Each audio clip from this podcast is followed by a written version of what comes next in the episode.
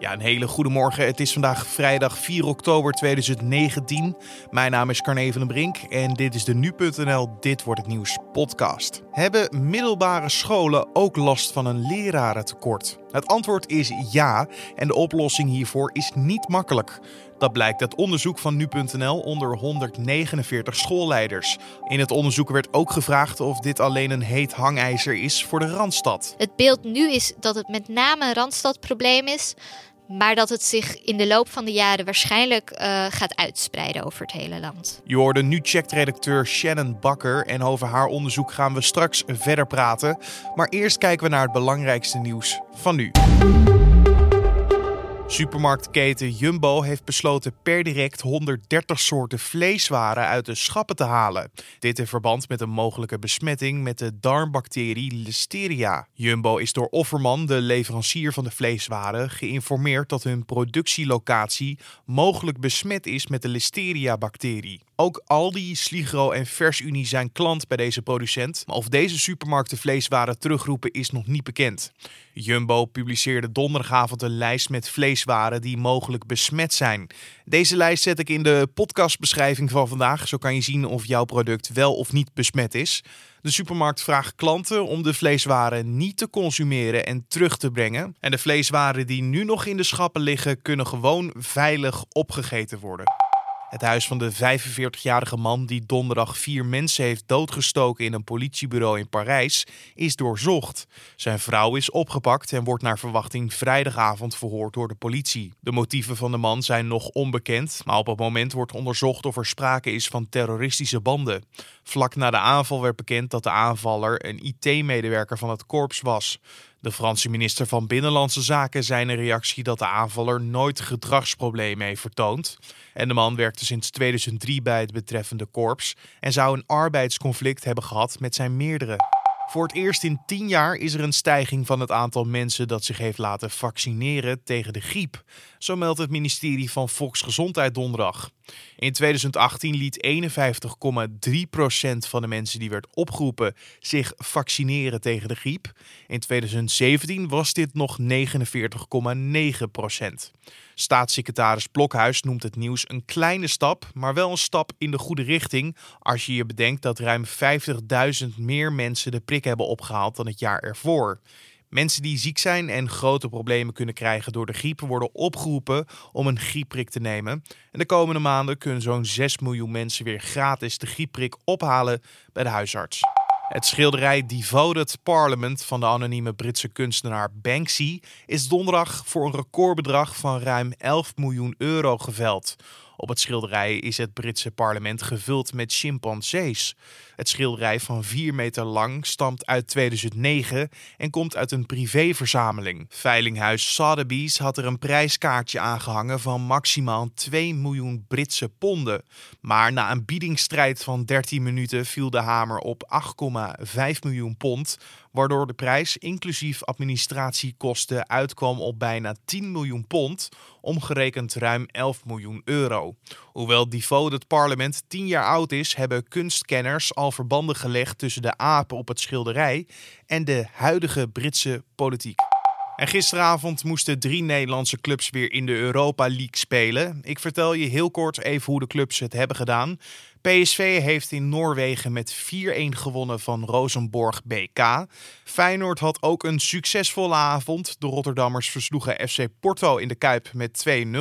En AZ heeft donderdagavond in Den Haag knap stand gehouden tegen Manchester United. De Alkmaarders speelden na een boeiend gevecht met 0-0 gelijk tegen de Engelse grootmacht. En dan kijken we naar het gesprek van deze podcast. Oftewel, dit wordt het nieuws. Een tijdje geleden vroeg nu.nl aan verschillende middelbare scholen of zij last hebben van een lerarentekort en wat zij doen tegen dit probleem. En hieruit bleek dat op meerdere scholen onvervulde vacatures zorgen voor lesuitval en dat ze zich inderdaad zorgen maken over een tekort aan leraren. Nu checkt redacteur Shannon Bakker zat achter dit onderzoek en ik vroeg haar hoe zij te werk is gegaan. Nou, ik heb ten eerste uh, mailadressen verzameld van zoveel mogelijk uh, schoolleiders in het voortgezet onderwijs. Dat waren zowel mensen die uh, vestigingsdirecteur of rector waren, of juist verantwoordelijk waren voor de hele school, dus meerdere vestigingen. Die heb ik allemaal een mail gestuurd met een vragenlijst daarin. met een paar vragen over: heb je überhaupt last van het lerarentekort? Heb je nog vacatures die je moet invullen? En hoe, als dat zo is, hoe ga je daar dan mee om? Ja, en kreeg je veel respons op, uh, op die vraag, op dat onderzoek? Nou ja, het is best redelijk. We hebben van ongeveer 20% uh, eh, van de middelbare scholen, van in ieder geval één vestiging, uh, een respons gehad. Uh, ik heb eerder dit soort onderzoek bij basisscholen gehad. Dat was ongeveer uh, een gelijk percentage. Dus best, best redelijk uh, geantwoord door de schoolleiders. Ja, en, en waarom dan nu het voortgezet onderwijs? Want je hoort, je zei het net al, heel veel over basisscholen die te maken hebben met deze problemen van geen leraren voor de klas of te weinig leraren. Waarom dan nu het voortgezet onderwijs? Nou ja, zoals ik zei, we hebben eerder naar de basisscholen gekeken. daar hebben we toen ook een onderzoek over gedaan. En nu hadden ze toch wel ook veel vragen, ook op de redactie van, ja, maar hoe zit het dan bij het voortgezet onderwijs? Want de leraren daar gaan ook staken uh, binnenkort in november.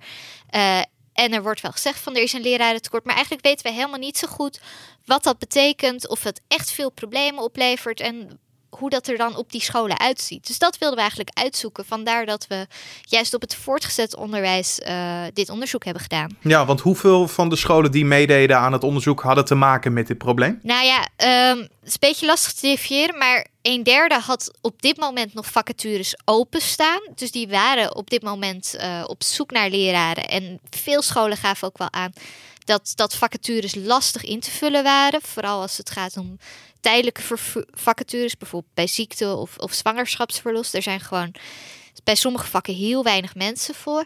En je zag ook dat uh, van de scholen die zich geen zorgen maakten, of die geen vacatures hadden, dat 70% zich wel zorgen maakten als ze een vacature zouden krijgen als iemand weggaat of ziek wordt of weet ik veel wat. Dus je merkt wel dat het in ieder geval leeft bij de schoolleiders. En dit, dit probleem is natuurlijk heel moeilijk aan te pakken, hè? want je hebt met meerdere facetten te maken. Uh, heb jij te horen gekregen van middelbare scholen hoe zij uh, hiermee uh, aan de slag gaan? Ja, nou ja, scholen zetten natuurlijk net zoals ieder bedrijf eerst de vacature uit.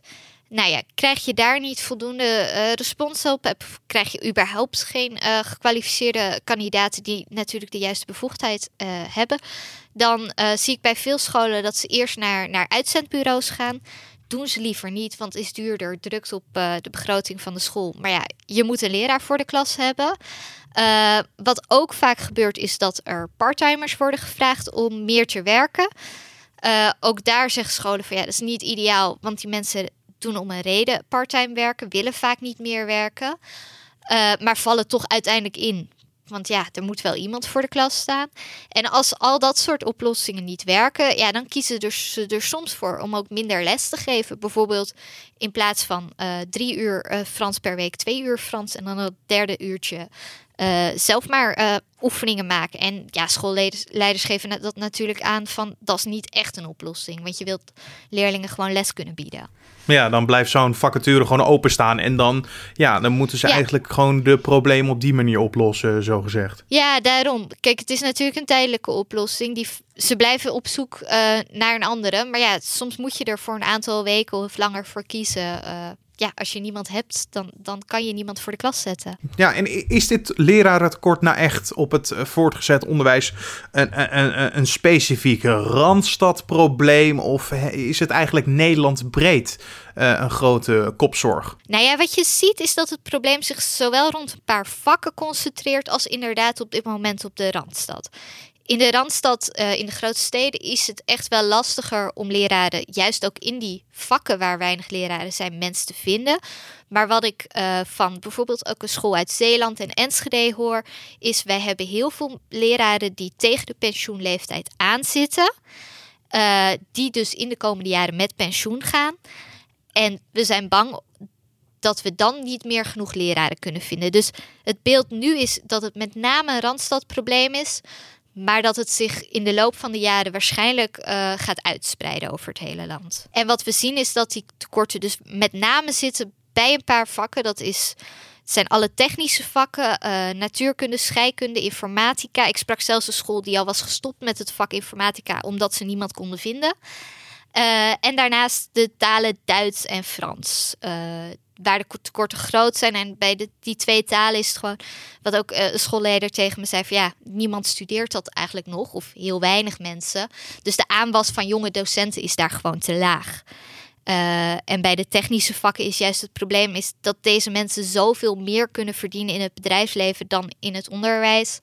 Ja, dat degene die daarvoor kiezen, dat zijn er niet zoveel en die doen dat dan echt vanuit passie. Maar hoe kijken dan scholen naar de toekomst? Want zo'n probleem als lerarentekort is niet ja, volgens mij binnen een jaar opgelost. Want je hebt te maken met nieuwe mensen die moeten geschoold worden. En dat gebeurt ook niet in een jaar. Nee, dat geven scholen ook aan. Wat ze voor de, zeker de korte termijn heel belangrijk is, is dat mensen juist behouden blijven voor het onderwijs. Je ziet dat best wel veel jonge leraren na een paar één of twee jaar al zeggen van het onderwijs is toch niks voor mij. Uh, ik ga iets anders doen. Dus er moet ook wel echt goede begeleiding worden geboden aan die docenten, zodat ze enthousiast blijven voor het onderwijs en erin blijven. En, want die mensen die je hebt, wil je natuurlijk niet binnen twee jaar alweer kwijt zijn. Want je gaat moeilijk iemand anders vinden. Uh, en daarnaast moeten natuurlijk meer mensen worden opgeleid. Uh, en hoe dat moet worden aangepakt, ja, dat verschillende meningen over natuurlijk. Uh, zegt de Onderwijsbond van er moet meer geld bij. schoolleiders weten eigenlijk zelf niet zo heel goed wat daar de oplossing is. Anders dan ook wel gewoon het beroep aantrekkelijk maken. En dat kan op meerdere manieren waarschijnlijk. Je hebt via een onderzoek dus goed aangekaart dat het een probleem is bij de basisscholen. Nu dus ook bij de middelbare scholen. Wat is de volgende stap? Straks het beroepsonderwijs, de universiteiten. Ga je dat ook nog doen op een gegeven moment? Uh, dat weet ik nog niet. We zijn nog aan het verder kijken. Uh, wat ik zelf nog heel interessant vind is uh, dat kreeg ik ook al van een aantal schoolleiders door. Dat er ook problemen zijn bij het uh, voortgezet speciaal onderwijs. Uh, dus mensen met leerproblemen, maar ook mensen die doof zijn. En dat lijkt me wel een interessant uh, gedeelte van het onderwijs om ook eens in te gaan verdiepen. Je nu checkt redacteur Shannon Bakker. En dan kijken we nog even naar de nieuwsagenda van vandaag. De rechtszaak tegen meerdere leden van motorclub Kaluwagu gaat vandaag verder met een inleidende zitting waarin nieuwe aanklachten besproken zullen worden. Onlangs werden opnieuw leden van de motorbende aangehouden op verdenking van het opdrachtgeven voor moorden of het voorbereiden van liquidaties. En de Oranje Vrouwen vervolgen vanavond de kwalificatie voor het EK 2021 in en tegen Slovenië. Bondscoach Serena Wiegman mist een groot aantal belangrijke spelers, waaronder Lieke Martens, Shaki Groene, Janice van de Zanden en Stephanie van der Gracht. Maar Nederland is desondanks nog steeds favoriet. Vier dagen later nemen de Oranje Vrouwen het voor eigen publiek op tegen Rusland. De Amerikaanse minister van Buitenlandse Zaken, Mike Pompeo, moet uiterlijk vandaag documenten voorleggen in het vooronderzoek naar de mogelijke afzettingsprocedure van president Donald Trump. Of hij de papieren die opgevraagd zijn daadwerkelijk overhandigt aan de onderzoekscommissie, is echter nog de vraag. In een op Twitter gepubliceerde brief beschuldigde Pompeo dinsdag de onderzoekscommissie van machtsmisbruik en het niet volgen van procedures. En dan nog even het weer. De hele dag is het vandaag bewolkt en regenachtig. En het kan vandaag tot 15 graden in het zuiden worden, tot 10 graden in het noordoosten. En om af te sluiten nog even dit. Elke vrijdag behandelen we het bijzonderste of leukste wetenschappelijk nieuws. Nu.nl redacteur Thomas Krachten zoekt dat voor ons uit en kan dat dan ook gelijk uitleggen. Deze week staat dit geluid centraal. Maar de vraag is, wat horen wij hier, Thomas? Wat je zojuist hoorde was een soort verwerkte opname van een aardbeving op Mars. Of een Marsbeving, kan ik beter zeggen. En die is opgenomen door de InSight lander. Die is eh, van NASA. Die is in november vorig jaar geland op Mars. En die heeft toen een seismometer op het Marsoppervlakte geplaatst om uh, bevingen te meten. En die beving, bevingen zijn nu geregistreerd, zijn een stukje versneld en verwerkt en die kan je ze horen. Ja, inderdaad. Maar hoe opmerkelijk is dit? Nou, het is natuurlijk opmerkelijk dat je iets kan luisteren en het is een beving van een andere planeet. Maar we wisten wel al dat er bevingen waren op Mars. Uh, we hebben in de jaren 70 al een keer een, um, een apparaat op Mars gezet. Dat was de Vikinglander. Uh, van NASA ook. En die heeft toen al lichte metingen gemaakt. Waren niet heel goed, want ze hadden die, die seismometers bovenop een lander gezet. Dus die waren niet heel goed afgesteld. dus dat die bevingen er zijn, wisten we al. Maar het is uniek om het te kunnen horen. Ja, maar wat zouden wetenschappers dan uh, kunnen met deze nieuwe informatie? Het is, het is gewoon weer de volgende stap in het onderzoek naar Mars. Als je weet hoe die bevingen, hoe, hoe heftig die bevingen zijn, dan kan je op basis daarvan weer onderzoek doen naar waar de planeet uit opgebouwd is. Wat, wat is wat, waar is de grond uit opgebouwd? Waar is de kern uit opgebouwd? Want je kan horen hoe die bevingen door uh, je kan registreren hoe die bevingen zich door, uh, door de planeet bewegen. Kunnen wij dit soort bevingen nog op andere hemellichamen horen? Of is dat echt uitsluitend alleen op Mars? Nee, we weten bijvoorbeeld ook dat er bevingen zijn op de maan.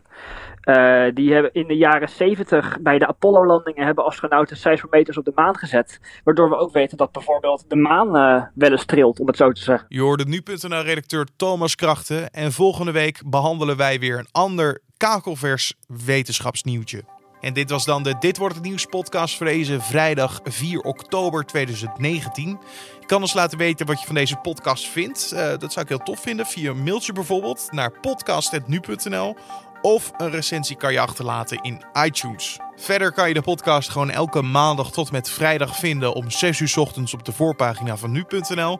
En je kan je gratis abonneren op deze uitzendingen in je favoriete podcast-app. Doe dat vooral, zo mis je geen aflevering.